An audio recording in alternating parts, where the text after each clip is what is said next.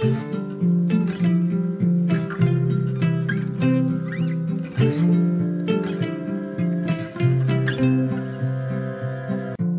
och välkommen till For Health med Anna Sparre. Idag pratar vi om biopati och S-tech med Katarina Gullberg. Dessutom kommer vi in på kinesologi och så får du som vanligt konkreta tips för din hälsa. Om du är nyfiken efter avsnittet så hittar du mer information på forhealth.se.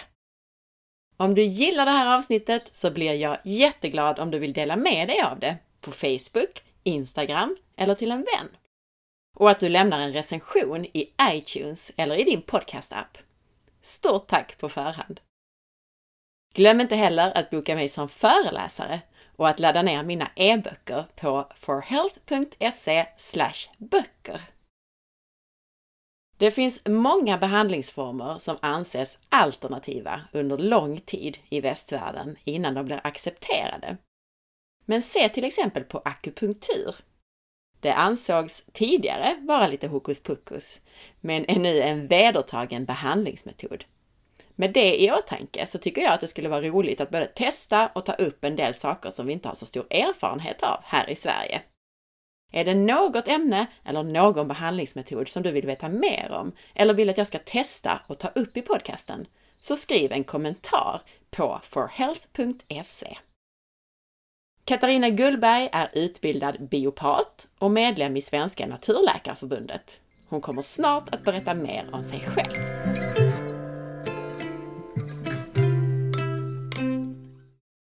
Hej Katarina och välkommen! Hej Anna, tack så mycket! Berätta för lyssnarna vem du är och hur det kommer sig att du har utbildat dig till biopat. Eh, ja, jag heter Katarina Gullberg och jag bor och är verksam i Göteborg och där har jag arbetat som biopat i cirka 11 år. Och man kan väl säga att jag alltid har varit intresserad och sökt information om hälsa i hela mitt vuxna liv. Men det var egentligen först när jag själv blev riktigt sjuk och inte kunde få hjälp genom sjukvården som jag bestämde mig för att utbilda mig till biopat. Och varför just biopat? Jo, för att det är en väldigt bred utbildning då inom komplementärmedicin. Så det är väl i stora drag därför jag har valt att bli biopat. Vad är egentligen biopati? Jo, biopati är en form av biologisk medicin då, som är yrkesmässigt utförd av en biopat. Och den grundades på 70-talet av en dansk som hette Kurt Winberg Nielsen. Och han ville då ha ett namn på en terapeut som har en bred yrkesutbildning inom komplementärmedicin och som även hade basmedicin. Och han tog då namnet biopati från orden bios som betyder liv och patos som betyder sjukdom, lidelse på latin. Och sen så tog han patent på ordet och det är då endast diplomerade biopater som får använda namnet. Men för lyssnarna, vad innebär det här? Vad är det för skillnad mellan att gå till en biopat jämfört med att till exempel gå till en vanlig näringsterapeut? Ja, en biopat har en mängd olika block eh, i sin utbildning, bland annat då näringslära, immunologi, akupunktur, zonterapi, även psykologi och en del psykiatri. Så att det är en mängder olika block så att det är, eh, den är bredare så att säga. Istället då för om du jämför med till exempel en homeopat som endast har homeopatin eller en näringsfysiolog som endast har näringslära då. Så att vi har, vi har en större bredd kan man säga som biopat. Mm. Jag fick ju prova att komma på en session hos dig och då upplevde jag det, att du hade med dig allt det här. Allt från kinesologi, muskeltestning till mer medicinskt och du använde apparatur. Men du hade även rekommendationer kring tillskott så som en näringsterapeut har. Ja, vi jobbar ju lite olika då, eh, biopater. Vissa använder sig inte alls av kinesologi Eh, och andra använder sig till exempel av apparatur mer och så vidare. Då. Eh, så att jag jobbar ju med, med väver in både kinesologin och använder mig av apparatur och försöker eh, väva in så mycket som möjligt av mina kunskaper, även, om, även av immunologin bland annat då, så att man får så mycket information som möjligt ifrån kunder då, eller klienter. Trots att du säger att ni arbetar mäta lite olika? Går det ändå att säga lite generellt vad som händer om man kommer till en biopat? Ja, för utbildningen går egentligen ut på då att, att alltså biopatins metoder, det består då av näringsterapi, kost, immunterapi och dränering, utrensning. Alltså man tittar på, med andra ord, finns det näringsbrister? Är det något i kosten som orsakar problem eller överkänslighet? Finns det någon infektion eller annat problem med immunförsvaret som orsakar näringsbrister eller överkänsligheter? Finns det tungmetaller eller annat som belastar kroppen? Och fungerar avgiftningen tillfredsställande? Alla dessa faktorer ska vävas in som biopat. Då. Sen, sen som jag säger arbetar vi ju lite olika utefter det. Vissa använder kinesiologin, andra använder den inte. Vissa använder apparatur som komplement. Då. Men det är egentligen det biopatins metoder går ut på. Då, då. Och om jag har förstått dig rätt så använder du allt det här va? Jag använder allt, ja precis. Och också vanliga klassiska hälsotester liknande sådana som jag använder på mina klienter? Ja, jag använder mycket av dem också då som komplement om jag inte kommer till rätta med problematiken med hjälp av näring och kost. Det första då, det är ju det första man tittar på egentligen och, och om det finns belastningar och annars. Men kommer jag inte till rätta med det så, så går jag vidare med analyser. Precis som du. Och en av de första sakerna du använde då, innan de här vanliga, eller vad man ska kalla dem för, vanliga hälsotesterna, är en analysmetod som kallas för ESTEC. Är det så man uttalar det? Ja, det stämmer. ESTEC. ESTEC, okej. Okay. Vad är detta för någonting? Alltså ESTEC är en fysiologisk screeningmetod som på fyra minuter, cirka fyra minuter, genom flera olika mätmetoder då, som vi ska prata lite om nu, tänkte vi då, eh, som tar fram en mängd olika fysiologiska biomarkörer som berättar då om klientens unika fysiologi, hur det ser ut i kroppen på, på klienten då helt enkelt. Den har, den har utvecklats i Frankrike av läkare, fysiker och matematiker och dataexperter. Och den är medicinskt godkänd av FDA som är USAs motsvarighet till Socialstyrelsen och av EUs tillståndsmyndighet och den är klassad då som medicinskt godkänd klass 2 vilket innebär att läkare får använda den också. Jag fick ju testa det. Man sätter sig med händer och fötter på plattor. Det är ju elektricitet som används i det här va? Ja, det är, det är svag växel och likström man mäter då. Mm. Bland annat då. Så att ja, man, får, man sätter händer och fötter på plattor kateter får elektroder kopplade i pannan och en pulsoximetermätare på fingret. Och själva mätningen tar inte mer än fyra minuter och sen så presenteras värdena på skärmen i 3D-format. Och till grund har man då tagit fram normalvärden för hur respektive organ ser ut elektrokemiskt vid optimal funktion. Och sen tar man även hänsyn till ålder, vikt, längd och kön. Och sen delas organen in i olika organsystem som presenteras i olika displayer. Då. Det är så det ser ut. Ja, det var ju väldigt spännande det där. Det kom ju fram hur mycket saker som helst som jag knappt kunde förstå hur man då med elektricitet kan få fram allt det där. Så det ska ju bli spännande att, diskutera det lite mer här. Ja, det är många olika mätmetoder som korsas så att säga då. Så man, man gör alltså eh, man säkerställer genom att göra så att säga, man, man tar många analyser och jämför med varandra då för att få fram de här värdena. Så de, många går in, flera går in i varandra så att säga då för att titta, mäta hur nervsystemet fungerar och så vidare. Då. Så att... Eh... Ja just det, du sa man sätter på bland annat en pulsmätare och sådär men går det att säga mer vad det är som, som den här apparaturen gör än att mäta puls och, Alltså vad är det den mäter egentligen? Ja, dels då så mäter vi ju blodtrycket manuellt innan man sätter sig, innan man kör igång utrustningen då, så det mäts alltid manuellt och sen så mäter den andra saker som eh, Galvanic Skin Response och en oximetermätning och sen gör den ett HRV, så kallat Heart Rate Variability.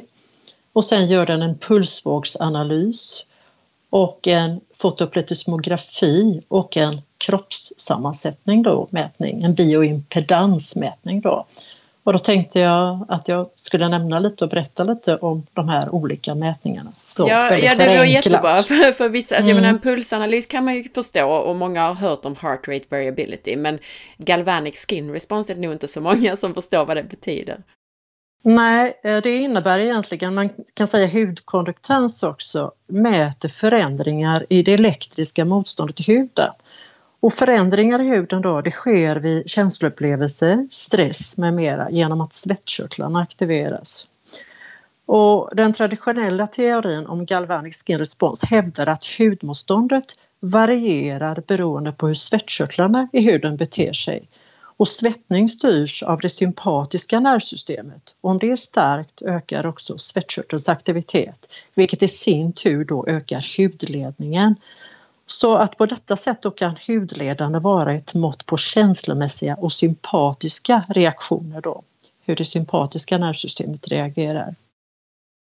Intressant. Då tänker jag bara så spontant, jag vet att du också jobbar en del med, med klienter som har underfunktion i sköldkörteln. Och mm. jag vet att en del av dem har svårt att svettas. Kan det påverka det här resultatet tror du? Eller har du någon aning? Eh, jag kan det ärligt inte svara på det, om det kan påverka. Alltså, eh, det är inget du har sett sådär att, att det är ett mönster i resultaten som du ser att de är nej. nej. Nej, det är inget, som, inget mönster som jag har sett. Nej, det är inga slutsatser som jag har dragit. Då förstår vi lite mer. Vad, att det, då kan, det, kan det vara ett tecken på hur aktivt det sympatiska nervsystemet är då. Ja, så det är ett av sätten som man liksom får en uppfattning om hur det sympatiska nervsystemet fungerar då i det här läget. Och sen är HRV ett annat då. då. Och, eh, och det är nog bäst att vi ändå förklarar HRV lite kort ja, i alla fall. Ja. Alltså HRV står för hjärtfrekvensvariabilitet och det innebär att det ska finnas en viss variabilitet mellan hjärtslagen men när intervallen mellan hjärtslagen varierar för mycket, då blir det ju, då blir det ju arytmi. Och om intervallen å andra sidan uppvisar alldeles för lite skillnad så handlar det, handlar det om sänkt hjärtfrekvensvariabilitet, vilket inte heller är bra, utan då tvärtom en erkänd markör för ohälsa eller sjukdom. Så att HRV kan användas som ett indirekt mått på den autonoma nervfunktionen. Med andra ord så speglar hjärtfrekvensvariabiliteten balansen då mellan sympatisk och parasympatisk aktivitet i det autonoma nervsystemet. Det autonoma nervsystemet är det icke viljestyrda nervsystemet då, som bland annat då styr hjärtslag och så vidare. Då, då.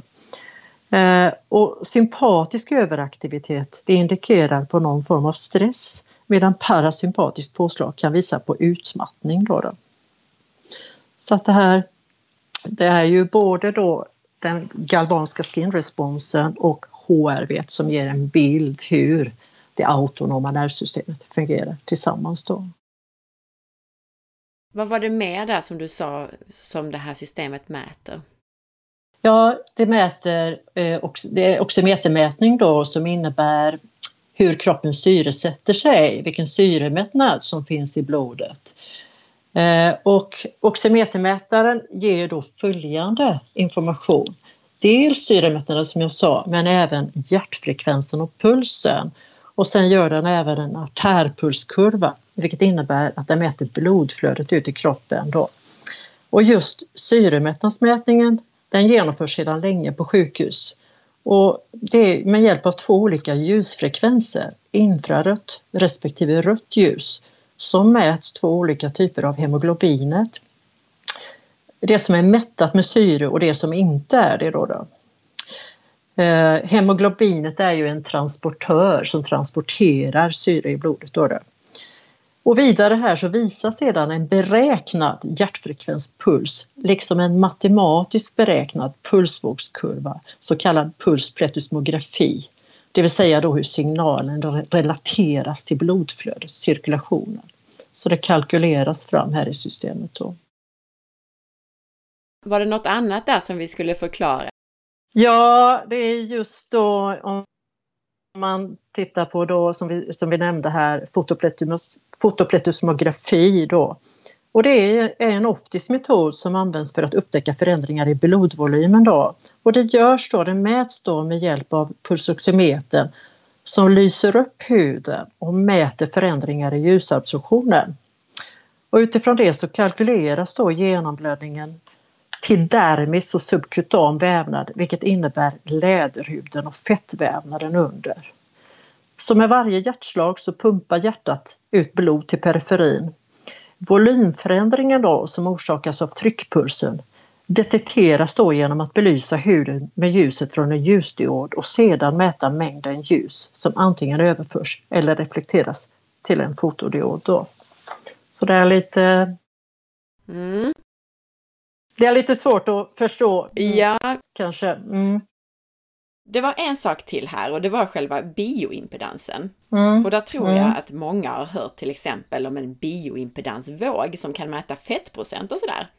Men ja. är det något du vill berätta om det? Absolut. Man, man mäter ju ofta kroppssammansättningen som du säger med hjälp av bioimpedans. Då. Och det är med hjälp av eh, bioimpedansvågor då som kroppssammansättningen beräknas. Alltså man skickar egentligen en svag ström genom kroppen och mäter det motstånd som strömmen möter. Och i och med att många vävnader skiljer sig åt i karaktär och egenskaper så leder de ström olika effektivt. Till exempel fettfri kroppsvävnad såsom muskler, blodkärl och ben innehåller mycket vatten och leder elektricitet mycket bra medan fettmassan möter högre motstånd, resistens. Så att ju lägre resistens desto mindre fett, kroppsfett. Då, då Och för att kunna bestämma kroppssammansättningen så använder vågen dels strömmen, då, den elektriska impedansen tillsammans med informationen om din längd, vikt, ålder och kön för att få fram ett resultat. Då. Så man mäter egentligen eh, eh alltså eh, elektrisk impedans är det elektriska eh, motståndet för en växelström att ta sig genom vävnader. Då. För att då bli lite konkret kring det här så kan det ju den här S-tech-maskinen, den kan ju plocka fram en massa saker om hur hälsosamt det kardiovaskulära systemet är, alltså blodkärl och hjärta.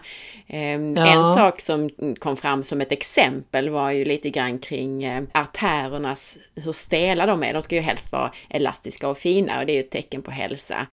Mm. Hur, hur, hur kopplar det in, de här sakerna, hur kopplar det in till det här som du har berättat nu?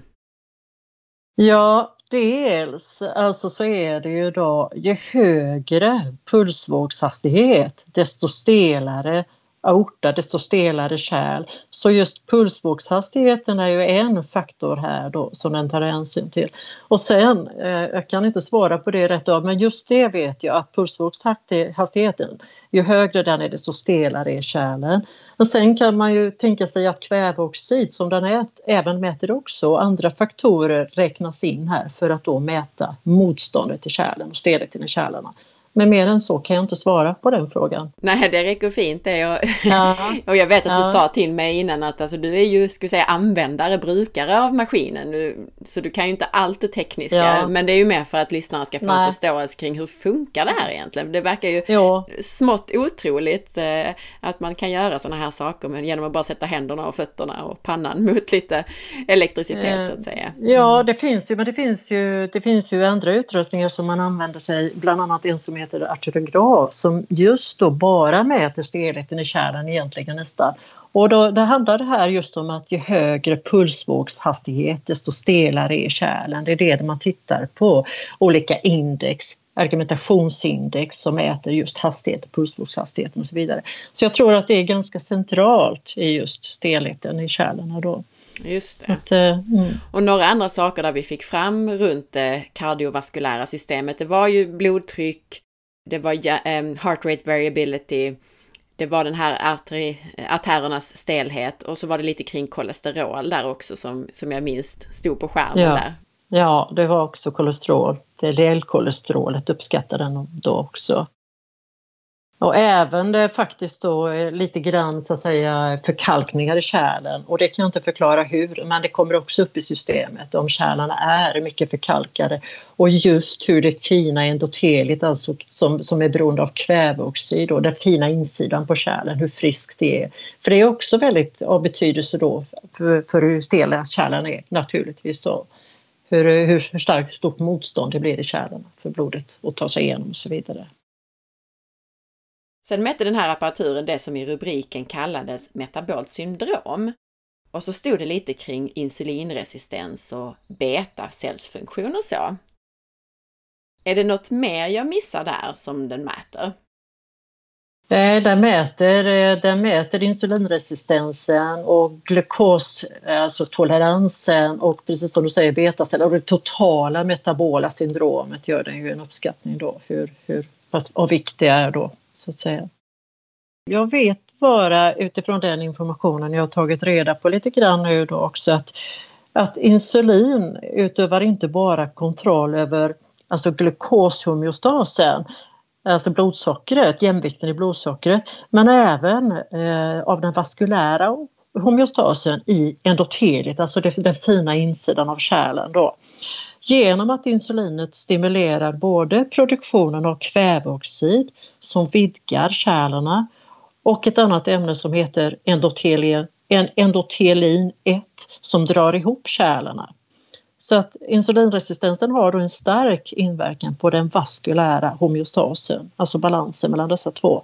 Så på något sätt kalkylerar ju systemet fram det här då utifrån vad den får eh, flera olika informations informationskällor då, men jag kan inte svara på hur då.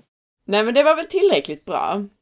Precis, det kanske kan vara en kombination av det och, och den här impedansmätningen kanske också kan spela in, tänker jag. Det kan vara så. Det har varit väldigt svårt att få fram information precis just om insulinresistensen men, men ofta då så är det ganska svårt att göra med andra mätmetoder för att det innebär att man Ja, alltså att det, det, det är invasiva, man får ta prover, blodprover och man får injicera både insulin och glukos och hur kroppen reglerar dessa då, va? och hur insulinet tar glukosen in i cellerna. Då.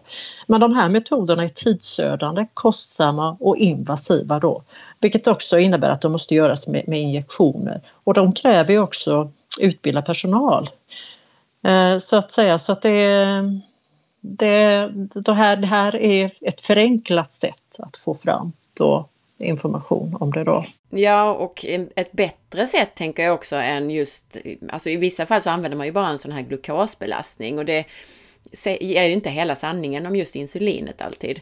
Så att både det att det är smidigt och det gör inte ont och, och ja. man behöver inte äta eller dricka något särskilt utan ja, det går snabbt och lätt. Nej, när jag frågade, när jag pratade lite grann med eh, personer som har utbildat mig på utrustningen så sa hon också just att eh, det finns ju inga eh, mätmetoder egentligen som är 100% tillförlitlighet. Men just menar hon att insulinresistensen här var en högre tillförlitlighet i systemen än vad de till exempel har med mammografin. Så det är viktigt att förstå det att ingen metod har 100% rätt förutom de som man kallar golden standard. Och det innebär att de består av flera mätmetoder som till exempel biopsi med mera. Då, Sen mätte den lite grann kring levern också, den här apparaturen. Vad, vad var det? Jag minns inte exakt vad det var, men eh, kan du berätta lite kring det, vad den säger om levern? Den mäter ju eh, inflammation i levern då. Så att eh, det är samma egentligen, man kan få fram med hjälp av bioimpedans, alltså eh, motståndet i vävnaden runt om organen, så kan man alltså få fram eh, även fram indikationer på tillståndet i vissa vävnader och organ, till exempel då kronisk inflammation i levern. Då. Så att det, det är med hjälp bland annat av bioimpedansen som man uppskattar och mäter det här då. Motståndet, för det alltså är det en inflammation så bildas det ju ärrvävnad, då blir det ett högre motstånd också. Så att eh, det, det, det är så jag kan förklara det utifrån den informationen jag har då. Apropå då olika organ och så, så sköldkörteln sa den också lite grann om. Mm. Ja, den mäter eh, underaktivitet på sköldkörteln eller överaktivitet och det kan jag inte svara på hur den gör då, men den mäter hur sköldkörteln fungerar. Och då uppskattar ju även utifrån eh, det autonoma nervsystemet hur dina binjurar fungerar och tittar på kortisol och adrenalin i, i sammanhanget också där då. Just och apropå det så var signalsubstanser en annan sak. Just det här med serotonin och dopamin och GABA och så.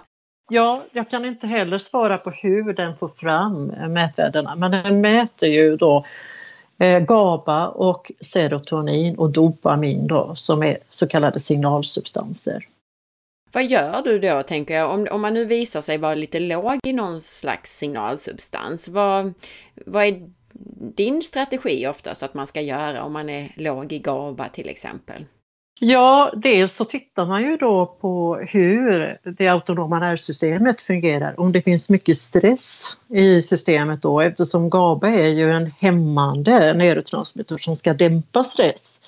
Så man tittar ju dels på binjurar, det autonoma nervsystemet och sen tittar man ju också på, på näringen som behövs för att kroppen ska kunna tillverka GABA, grundsubstansen för att GABA ska bildas. Då. Det är ju några av de faktorerna man tittar på. Och serotoninet, det mesta av serotoninet tillverkas ju i tarmen.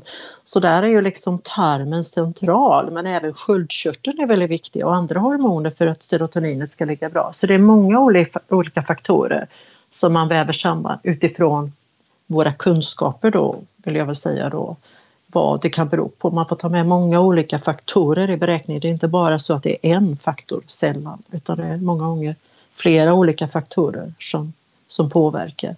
Just det, och då har du, gissar jag, väldigt nytta av den här breda holistiska utbildningen där man har vävt in ja, så mycket. Ja, precis. En sak till här som jag kom på som, som också stod på skärmen därefter, det var någonting kring pH. Hur går det till? Vet du det? Hur, hur den kan få fram pH den här? Nej, den mäter alltså pH i interstitiet som är vätskan mellan cellerna då. Och jag kan inte svara på hur den får fram det här. Ehm, jag kan inte göra det tyvärr. Men där var det ju lite grann kring, jag menar mineraler och så spelar ju in för vilket pH mm, man har och mm, den sa ju absolut. lite grann om det också med, med mineraler. Men det, vi vet, funderar också på det, liksom, hur, hur, kan hur kan den här apparaturen få fram det utan att ta ett prov på vätskan, tänker jag? Den, den kalkylerar eller mäter ju hur det ser ut i interstitiet då, vätskan mellan cellerna. Alltså kroppen gör ju allt för att upprätthålla en homeostas, balans i blodet. Utan ofta är det obalanser eller brister, det syns tidigare i just interstitiet än vad det gör i, i, i blodet då. Så att det behöver inte alls se likadant ut i blodet om du går och tar ett blodprov till exempel. Men det ger ändå tidiga indikationer på, på ett problem då. Och precis som du säger utifrån att den då mäter eller uppskattar natrium, kalcium, magnesium och klorid så kan man ju därifrån också dra en, göra, lägga en slutsats utifrån pH-värdet då till exempel. Så absolut. Och interstitiet där, det är ju det kan man väl förklara också som att det är utanför själva cellerna? Det är utanför själva cellerna, vätskan utanför själva cellerna. Precis. Ja, är det någonting viktigt som jag har missat som den här eh, S-Tech-maskinen mäter? Eh, nej, jag tror inte det. Alltså, tanken är ju med det att man så att säga att man vill förebygga egentligen sjukdom. Man vill alltså man vill förebygga eh, problem och sjukdom genom att då informera kunden, klienten, vilka problem som finns i kroppen då, då och motivera dem till att göra det som man sen lägger fram som förslag då för att få resultat. Då. Så det är, ett, det är ett bra sätt så att säga att få en bild av så här ser det ut i min kropp och så lägger vi samman, gör vi samman ett behandlingsförslag och så kommer man tillbaks och så gör man en uppföljning och så ser man det här har hänt i min kropp med det vi, gjort, vi har gjort nu då. Så att eh, det är väldigt bra att få, få en bild på det och se vad som händer i kroppen. Inte bara känna utan få, få se då också vad som händer. Ja, det är min erfarenhet också att, att om man gör tester sådär och får det svart på vitt så är det lättare att motivera till förändring. Ja, det är lättare att motivera till förändring. Så det är just motiveringen till förändringen och det är ju kost, livsstil, allt som vävs in där. Näringsbrister och annat så att säga då. Så att många har ju inte en aning om att det kanske finns en stelhet i kärlen och att det finns, de har ett högt blodtryck och det vet de om kanske. Men de har ingen aning om att det finns en stelhet i kärlen. Att det är för lite kväveoxid i systemet och som påverkar också kärlen och så vidare. Så det är ju, det är ju ett sätt att lära, informera och låta klienten ta ett eget ansvar så att säga med, med det den gör då. Så jag tycker det är ett bra sätt att eh, att upplysa och informera då hur, för att motivera då helt enkelt. Går du att ge något exempel på hur du kan ta dig an det här? Alltså om en klient har kommit och så har den fått ett antal obalanser. Du gav ett exempel där när jag frågade om, om GABA till exempel. Men har du något, något annat exempel som vi skulle kunna ta? Eh, hur tänker du? Säg någonting som är vanligt att det är ur balans i det här en eller ett par parametrar och så kan vi ta det därifrån då.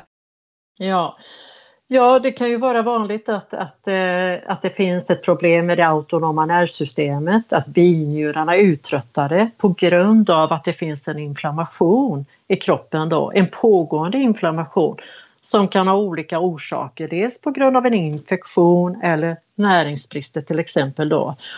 Och då har ju, kommer ju vederbörande hit och känner sig utmattad, utbränd, har ingen energi och ork men vet inte om att det pågår en inflammation i kroppen och att det är den som egentligen är orsaken till att de känner sig utmattade och trötta. Har kanske sökt i vården för många olika eh, symptom då men allt ser bra ut enligt prover och så vidare. Så då tittar man på vad, varför finns den här inflammationen?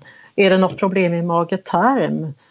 Ser det ut, alltså finns det då till exempel en stelhet i kärlen så räknar man ju väldigt ofta ut att det finns ett förhöjt homocystein. Homocystein är ett ämne, en nedbrytningsprodukt som sker hela tiden när kroppen bryter ner vissa proteiner. Och ett förhöjt homocystein ger nästan alltid en stelhet i aortan. Och eh, det indikerar då på B12 folsyrabrist. Och då tittar man ju på varför tar den här, har den här klienten B12-folsyrabrist då? Är den vegan? Är den vegetarian? Har den något annat som förhindrar upptaget? Kan det vara något genetiskt som är med i bilden och så vidare. Så att det, det, det är en Ja, och, och, du nämnde ju som ett exempel att man kanske hade någon, något problem i tarmen som är ju väldigt vanligt att man har en infektion i tarmen mm. och att inflammationen kommer därifrån. Hur tar ja. du reda på det? Alltså går du vidare då och testar tarmen eller hur gör du då? Ja, beroende lite grann. Jag muskeltestar ju alltid, kinesiologitestar alltid vad klienten reagerar på. Och då testar jag både på näring, bakterier, tungmetaller och lite av varje. Och beroende lite grann vad, eh, vad klienten har med sig i sin anamnes, alltså sjukdomshistoria och beroende sen på vad vad klienten reagerar på. Så börjar jag ibland med näring om det finns näringsbrister eller om, det, om hon reagerar, vederbörande reagerar på parasiter till exempel. Då försöker jag kanske först sätta in ett parasitmedel, någon ört eller annat för att komma till rätta med problemet. Och gör jag inte det då då går jag vidare sen med andra analyser såsom då avföringsanalys, SIBO-analys och så vidare. Då. Men det är stort, det beror mycket på vad, vad klienten har i bagaget när den kommer. Har den en väldigt gedigen sjukdomshistoria där jag förstår att det är mycket problem i floran, i, i tarmen, då går jag ganska snabbt på en, eh, en analys för att få se hur det ser ut då känner jag att då kommer vi snabbare fram den vägen än att göra något annat förslag först då så att säga. Nu nämnde du det här med muskeltester som ju ofta är en del av kinesiologi, bland annat. Det tror jag kan låta väldigt flummigt om jag får säga det för, ja, för en del personer. Ja. Alltså hur kan man veta genom att testa så man, vad man inte tål eller sådär. För det du gjorde på mig, det var ju bara på handen dessutom. Ja. Går det att förklara det på något sätt eller i alla fall förklara hur man gör och vad det går ut på? det låter väldigt flummigt, jag håller med dig. Det är en väldigt stor del av biopatins utbildning, egentligen en ganska lång del i utbildningen då. Och alltså hur man kan förklara då, alltså kinesiologi betyder rörelselära. Och det är en, en manuell neurofysiologisk terapi som ifrån början utvecklas av amerikanska kiropraktorer då. Och eh, Alltså, kinesiologi är en metod att kommunicera med en annan persons nervsystem genom att testa spänningen i musklerna. Och kinesiologen använder sig av så kallad manuell muskeltestning för att hitta obalanser, spänningar och blockeringar i kroppen. Vissa använder sig av ben, hela armen och jag använder mig av fingrarna för det är så jag har fått lära mig då och inkört på.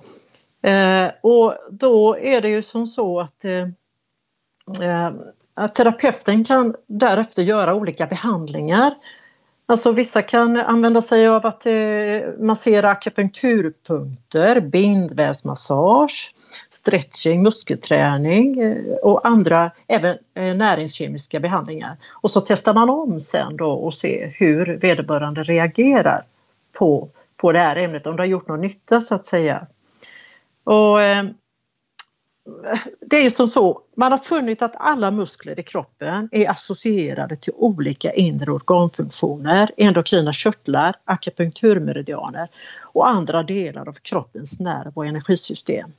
Och genom att testa spänningen i olika muskler så kan man få en bild av vilken behandling som kan tänkas ge bäst effekt. Då. Om vi säger att eh, det är ju alltså hjärna och ryggmärg, det centrala nervsystemet funktion det är att ta emot information ifrån våra sinnesorgan, varav huden är ett av dem då. Och sen via inåtledande, som också kallas afferenta eller sensoriska nervbanor, tolkas och bearbetas sedan informationen och därefter ges signaler till de utåtledande efferenta motoriska nervbanorna hur muskler och körtlar ska bete sig så om vi säger att om jag leder frekvensen av ett ämne vidare till dig. Det spelar ingen roll om jag leder den genom att hålla på den eller lägga den på magen på dig. Så kan jag utlösa, jag kan utläsa hur, din, hur dina muskler reagerar, hur du reagerar på, på ämnet då i fråga. Och, eh, det, det, är inte så lätt att förklara Nej, på ett annat sätt. Det förstår jag, men om jag får ställa frågan så här också bara. Om du då ska kolla om jag är känslig för ägg till exempel. Ja. Eh, så du har ju inte alla de här livsmedlen med dig och, och, har dem i närheten av mig när du testar. Hur går det till? Alltså hur, hur funkar det? Det är frekvenser av, alltså man, eh, det är frekvenser av ämnena eller är, så är det ämnet direkt då. Så testar man på kosttillskott så ligger alltså själva kosttillskottet i ampuller som man leder vidare då frekvensen av ämnet. Men just livsmedel, då har man laddat ner, alltså jag har även en, jag har en speciell utrustning som man kan behandla med hjälp av frekvenser som skickar frekvenser in till kroppen, så kallad bioresonans. Och utifrån det systemet så kan man ladda ner då frekvenser av olika livsmedel, substanser och så vidare ner i vätska då i ampuller. Så att det är med hjälp av frekvensen av ämnet. Jag har inte ägg och jag har inte livsmedel i utan utan jag har frekvenserna av ämnet i ampuller, då i vätska i ampuller. När du testade mig så hade du väl inga ampuller eller så, utan du, det var bara du och din kropp? Nej, jag hade ampuller. Jag använde mig bara av ampuller. Det var jag som så inte... jag ledde, ja, jag ledde frekvensen vidare från en ampull, olika, testade på olika livsmedel, olika belastningar, olika, till din kropp och ser hur du reagerar på. Och alltså, man är så inkörd på det här och hållit på så pass många år så att man det går så fort så klienten tänker oftast inte på vad man gör egentligen. Utan, nej, man är ju fullt fokuserad på att hålla lagom spänning ja, i fingrarna. Ja, så absolut. Så ja. Mm. ja, ja, men vad spännande. Då har vi fått veta lite mer om både biopati och eh, S-tech och lite grann kring muskeltester. Jag tänker bara för att avsluta väldigt konkret här till lyssnarna.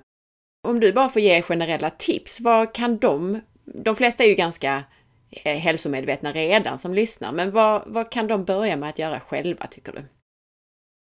Ja, alltså det, det, det, här vet väl kanske de flesta som har sökt för sin hälsa men det, det, här, det här är det vanliga basic att försöka att vistas utomhus i dagsljus i minst en halvtimme före klockan 14 på dagen för att det påverkar så mycket våra biorytm så att säga då.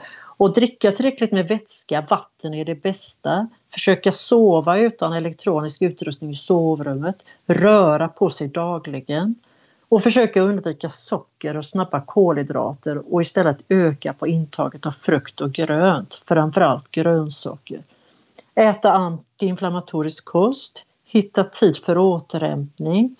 Och basic för de flesta som kommer hit så säger jag ta ett D-vitaminpreparat i kombination med K-vitamin och magnesium för de samverkar. Gärna ta ett B-vitaminpreparat och multimineraler också. Det är liksom grunden om man inte vill komma på en mätning eller göra något annat som man har liksom försöker att eh, eh, eh basic då egentligen. Jag är så glad att det första du sa var det här med dagsljus, för det är någonting jag tjatar och tjatar om. För att det är så många som är inkörda på att okej, okay, jag måste ändra kosten och sen är de nere i den 90 gritty kring kosten, så att säga detaljerna. Men ja. man glömmer vissa saker som sömnhygien och framför allt det här med att vara utomhus i dagsljus.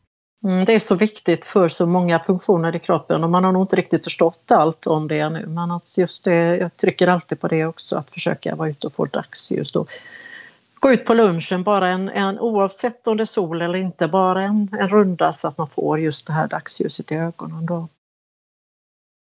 Och det finns ju massa spännande forskning på det nu också, även om man inte har förstått hela, hela sammanhanget så vet man ju att varje cell har ju en liten klocka som styrs av ljus och mörker till exempel, men också det här att en studie jag läste om visade att om man får dagsljus på förmiddagen så är man inte alls lika känslig för det här blåa ljuset. Eh, för alltså att sömnen påverkas mindre av att man tittar på TV och dator och så vidare än om man inte har varit ute tidigare på dagen. Jag tror att det har med att göra med att melatoninet påverkar, minskar då så att säga biverkningarna av strålning, att det är ett effektivt skydd mot strålning då, det har man ju också sett. Men där har vi också lite grann det här att, att det hör ihop med, det påverkar ju också serotoninet så att säga, de går ju i varandra. Får du inget dagsljus så inte melatoninet ligger i fas så bildas ju heller inte serotoninet på morgonen eftersom att det är det påverkar många, många olika faktorer. Men just strålning är det också känt, allmänt känt att melatoninet har ett skydd mot strålning. Så det är ju det du säger egentligen. Då. Ja, och absolut. Och jag tänker också bara det här att just det här med dygnsrytmen, att har då redan kroppen fått den här kicken, okej, okay, här är dagsljuset, nu börjar dagen, så är den inte lika känslig för att det här blåa ljuset kommer igen senare. Men har man Nej. inte fått det än och sen det första blåa ljuset, det kommer, ska vi säga, under kvällen från datorn, så, mm. så tro, börjar kroppen tro att nu börjar dagen. Nu börjar dagen, ja. Mm, ja absolut. Så man kommer ja. helt ur fas. Om man nu vill eh, komma till dig och testa det här eller om man vill, vill veta mer om dig och, och biopati, var går man då? Ja, då går man förslagsvis in på min hemsida som heter www.kvantum.nu. Det är väl det lättaste sättet. Och kvantum stavas med Q, eller hur? Det stavas med Q, U-A-N-T-U-M. Är det någonting som annat här som vi har missat att prata om eller som du skulle vilja säga till lyssnarna? Jag tänker att jag tror att det är viktigt när man, jag upplever att det är viktigt att när man går då till en, en terapeut att man har med sig så mycket information som möjligt. Eh, jag tittar gärna på gamla blodprover, tester, allt av information är av vikt då och många gånger så får man inte det här utskrivet om man har varit hos läkare utan de säger oftast att det är bra men man har rätt att få det utskrivet. Eh, för det kan ge många, många ledtrådar då på, eh, på, på, eh, på saker som man inte hade fått någon uppfattning om annars då. Och väldigt många gånger så skickar jag mina klienter till V-labs för att göra en Excel-analys då som är en omfattande blodanalys som ger väldigt mycket information. Och där har jag också fått många ledtrådar som jag aldrig skulle fått innan då. Till exempel att eh, jag har varit med om att några har haft hemokromatos då som är en ärftlig defekt kan man väl säga som gör att det ansamlas järn i kroppen och då kan du få reumatiska problem och trött och mycket andra symptom. Men även att sköldkörteln då inte fungerar som den ska som i sin tur kan leda till både inflammation och väldigt mycket eftersom den är ju som säger själva drivkraften i kroppen. Och att homocysteinet är för högt som är direkt indikerat på att det är B12 fostervirus. Så att det är väldigt viktigt att man eh, tycker jag väver in så mycket som möjligt av det om man har information sedan tidigare. För att få så mycket information, samlad information som möjligt. Då. Jättebra tips var det verkligen. För det är ofta så att jag frågar, ja, ah, har du testat din sköldkörtel till exempel? Och så säger då klienten i fråga att ja, det har jag och allt så bra ut. Och så mm. frågar jag, men, men vad var värdena så att säga? Eller vad var ditt ferritin? Eller det? Eh, mm. Och, och, då är det liksom, nej men de sa bara att det var bra. Men vad vi anser är bra är kanske inte alltid vad vården anser vara bra. De har ofta ett lite bredare referensintervall. När de tycker att det bara är gränsfall så tycker vi att det är alldeles för lågt kanske då till exempel. Ja, ja precis. Det är väldigt, väldigt ofta så. Och så sen man, om vi pratar om sköldkörteln så är det ju, eh, alltså det är ju i nio av tio fall så testar man ju bara TSH T4, inte T3 som är aktivt då. Men det görs ju till exempel här då på, på Excel-analysen för då så får man helhetsbilden på ett annat sätt. Så att, eh, och antikroppar det, och så, ja, precis. Och antikroppar och annat. Så att, eh. Tusen tack eh, Katarina för att du var med och förklarade om allt det här spännande. Tack för att jag fick vara med.